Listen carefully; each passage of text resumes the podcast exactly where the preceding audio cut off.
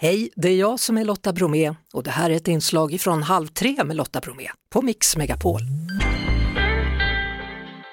Martin Schibbye, igår så vann du tillsammans med Britt Stakston och Patrik Arnesson Stora Journalistpriset som årets förnyare för ert reportage Cards of Qatar. Stort grattis! Tusen tack! Hur kändes det?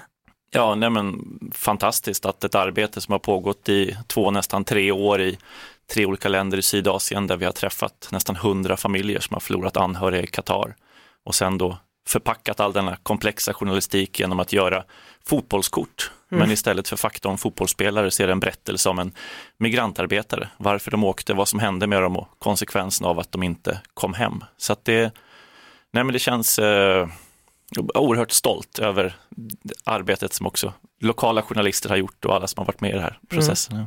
Ja. Känner man igen dig och ditt namn så är det ju från det då att du och Johan Persson fängslades i Etiopien då ni var där 2011 för att göra granskande reportage och ni hölls då fångna 14 månader i Etiopien. Vad, är det som fortfarande driver dig som journalist?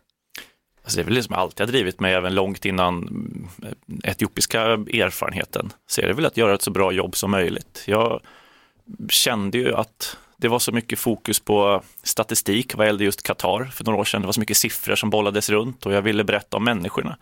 Jag ville berätta om vilka de var som betalade det höga, höga priset för att deras döttrar skulle kunna gå i skola och för att deras eh, familjer skulle kunna få mat på bordet och någonstans förklara eh, varför människor reser till Qatar och jobbar. Jag kände att det saknades i rapporteringen. Och mm. Det var väl samma med Etiopien-grejen, man kände att det här var ett reportage som måste göras, ett svenskt oljebolag inblandat i grova övergrepp. Eh, det behövdes kollas upp. Så att det, det som driver mig att göra bra, bra journalistik, mm. unik journalistik. Det är verkligen unikt och du jobbar då för reportagesajten Blankspot som du har grundat. Mm. På söndag startar ju fotbolls-VM mm. i Qatar. Ja. Och de här gästarbetarna har bland annat då byggt arenorna mm. som det spelas på. Mm. Och det är man tyst om. Det är man ju inte, det är så fantastiskt att se att det är vi gjorde en opinionsundersökning i 190 länder nyligen och en majoritet över hela världen vill ju inte att VM ska gå i Qatar, har inget förtroende för Fifa och är upprörda. Mm. Eh, sen är det en debatt som kommer kanske sent, eh, men ändå nu diskuterar vi migrantarbetares villkor och det är, det är hoppfullt, det är, det är glädjande. Men det är klart att Frågan är vad, vad, blir minnet av det här världsmästerskapet? Kommer det bli det, det land som höjer VM-pokalen eller kommer vi minnas liksom änkan som, eh, som sörjer sin döde man? Det, det, jag är inte säker på vilket det blir. Det är en sån genialisk idé. Hur mm. kom ni på det? Ja, det är inte jag. Jag har inga sådana talanger. Eh, nej, men jag var ute i fält och samlade berättelser och historier och vi hade plötsligt otroligt många historier och starka historier. Och det här är ett reportage som jag har gjort många gånger förr, alltså rättslöshet, migrantarbete, utsatthet. Och då var det liksom Britt Stakston som är vd på sajten som vars son samlat fotbollskort och bilder från VM 90 och 94 och klistrat in dem i album och samlat lag för lag, land för land. Och hon som knäckte idén att men ska man inte paketera det här eh, som kort för att då nå fans. Alltså jag jobbar ju som på en sajt som traditionellt kanske når personer intresserade av vad händer i Nagorno-Karabach eller hur ser fredsavtalet ut mellan eh, liksom Etiopien och TPLF och eh, nischad, liksom, smal utrikesjournalistik från, från vita fläckar på, på kartan. Eh, så att, då kände vi nu att nu ville vi nå ut bredare och nå brett. Och det har ju verkligen fungerat. Korten har nu publicerats i åt, på åtta olika språk. Eh, gjort precis en intervju med, med fransk tv här innan jag gick in här och grekisk tv imorgon och det känns som att historien når fram när den paketeras så här på ett nytt sätt, att den drabbar människor som, som kommer titta på det här världsmästerskapet. Du har ju sökt eh, visum till Qatar nu då under fotbolls-VM, hur har det gått?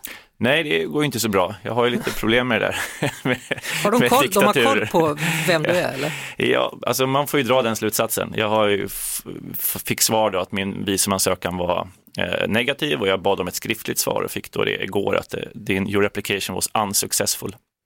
Men Jaha. jag tänker att får jag en chans att träffa Qatars ambassad i, i Sverige så ska jag förklara för att är det något som min journalistik är så är den just nyanserad.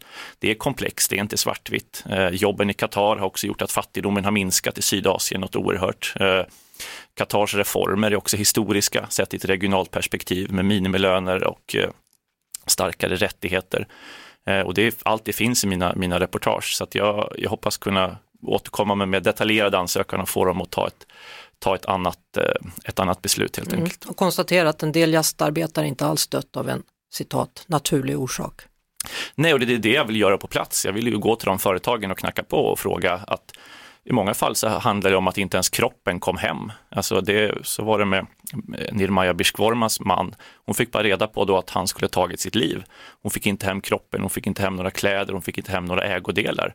Eh, och jag menar, i den liksom, eh, hinduistiska traditionen så ska man ju bränna och kremera kroppen för efterlivet och hon hade ju ingen kropp att kremera utan samlade då gamla kläder i hans garderob som de gjorde som en, en docka av och sen brände de den dockan för att få ett avslut. Men det, och det är väl de, de människorna som jag vill att vi ska minnas och hedra. Och jag frågade också henne, men hur ser du på VM? Det kommer spelas nu och din man byggde, han var otroligt duktig plattsättare och la marmor i hotellfoajéns, golven i hotellen. Och hon tänkte länge och så sa hon att men jag vill att, att man minns min mans arbete. Han var en av liksom regionens skickligaste plattsättare. Han jobbade med den dyraste marmorn när fansen går på det där golvet för att checka in på hotellet så ska de se att vet, det finns inga sprickor. Det, det är helt perfekt lagt.